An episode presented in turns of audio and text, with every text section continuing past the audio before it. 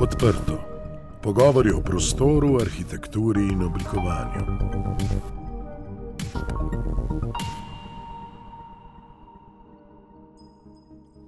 Pozdravljeni v zaključni oddaji četrte sezone podcasta Odprto. Tudi danes sem z vami Lenka Kavčič. Ob zaključku četrte sezone podcasta Odprto bomo povzeli ključne izzive, ki prevevajo našo družbo in naš prostor, in na katere bo arhitekturna stroka morala najti odgovore v prihodnje. Čas, v katerem živimo, ne skopari niti s krizami, niti s stalnimi spremembami.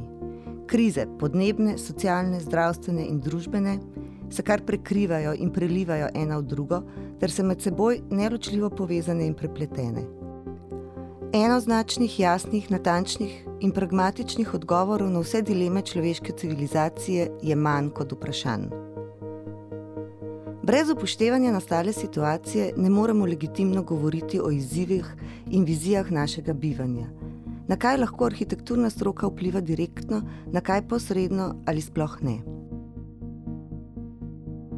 Arhitektura sama sebe danes neprestano redefinira v svojem obsegu, smislu, pomenu in nujnosti. Zato, da neko arhitekturo ovrednotimo kot uspešno, jo je potrebno ovrednotiti iz večjih vidikov. Arhitektura je dokaj hibridna in velja za interdisciplinarno.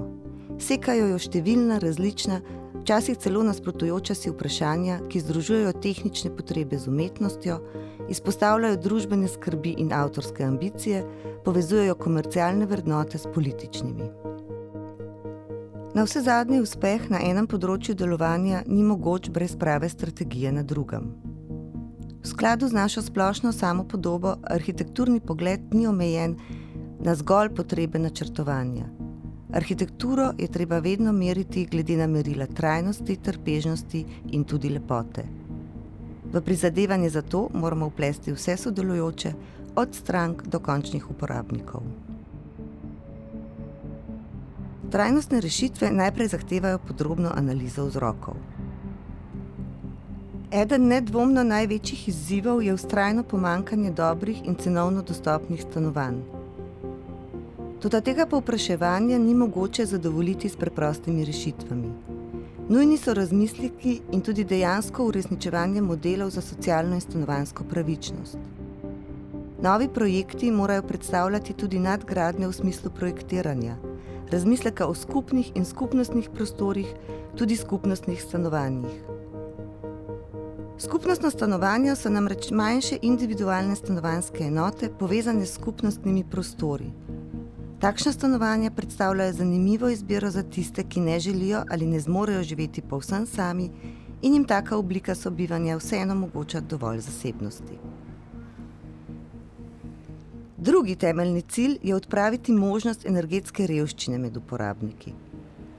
To se nanaša na optimizacijo programa v stavbah, opustitev naprimer podzemnih parkirišč, združevanje storitev in zmanjšanje površine stavb. Tehnološke rešitve in upoštevanje bioklimatskih parametrov za doseganje pasivnih zgradb morajo vključevati tudi informirane in aktivno vključene uporabnike. Prizadevanja, potrebna za ustvarjanje trajnostnih stanovanj, so seveda pogojena z njihovo okolju in podnebju prijazno zasnovo. Globalno gledano je gradbeništvo odgovorno za dobro četrtino svetovnih izpustov CO2.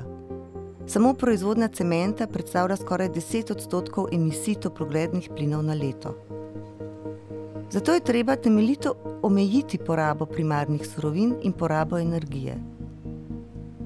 Tako bi bilo treba na širši podlagi dati prednost prenovi obstoječih stavb pred novo gradnjo. Hkrati se od gradbeništva zahteva tudi uveljavitev načela krožnega gospodarstva. Premik v gradbenem sektorju bi zelo pripomogel k zmanjšanju potrebe po materialu in učinkovitejši uporabi materijala, naprimer za zagotavljanje njegovega veliko daljšega in bolj uporabnega življenjskega cikla. Pri identifikaciji ugrajenih materijalov v stavbo ima pomembno vlogo materialni potni list. Listina material identificira, mu prizna legitimnost obstoja v dani obliki in v konkretnem objektu. Hkrati pa zagotavlja, da material dobi in ohrani vrednost, naprimer z možno ponovno uporabo tudi po razgradnji celotne stavbe. Danes koncepti upravljanja zveri temeljijo na uveljavljenem linearnem pristopu, ki vključuje odzem iz narave, proizvodno uporabo in odlaganje. Omenjen pristop rezultira v nenehnem izčrpavanju verov na eni strani ter vedno večji produkciji odpadkov na drugi strani. Kot tak pa ima seveda omejen rok trajanja. Z zapiranjem snovnih in vodnih tokov in s tem vračanjem verov v ponovno uporabo lahko omogočimo trajnostno upravljanje zveri. V urbanem okolju s naravnimi naprednimi tehnologijami zapiramo snovne tokove odpadnih vod, organskih in anorganskih materijalov, hranil in hrane, ter tako vzdržujemo in ohranjamo vodni krok. Primarno pa je arhitektura namenjena ljudem. Kot stroka je osrediščena v oblikovanju grajenega prostora, ki omogoča kakovostno življenje. Pa ne samo ljudem, temveč vsem uživamo. Stroka je torej postavljena pred pomembne izzive. Pri načrtovanju rabe prostora, varstva narave in oblikovanju krajine, zlasti v dialogu z drugimi strokami, ki oblikujejo življenski prostor za rastline, živali in ljudi. Prav življenski prostor se z vidika narave in živali vse bolj krči, vse več ga namreč potrebuje človek za svoje preživetje. V tem smislu je pretrgano najbolj naravno osnovno sožitje človeka in narave ki je bila njegova največja zaveznica vse do industrijske revolucije in začetka uporabe fosilnih goriv.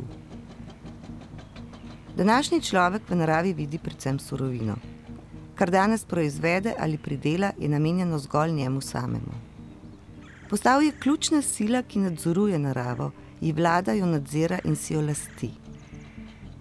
S svojim delovanjem je do sedaj tako spremenil življenjski prostor na Zemlji, da znanstveniki predlagajo uvedbo nove geološke dobe, antropocena, v kateri smo ljudje ena od ključnih sil, ki vplivamo na dogajanje v naravi.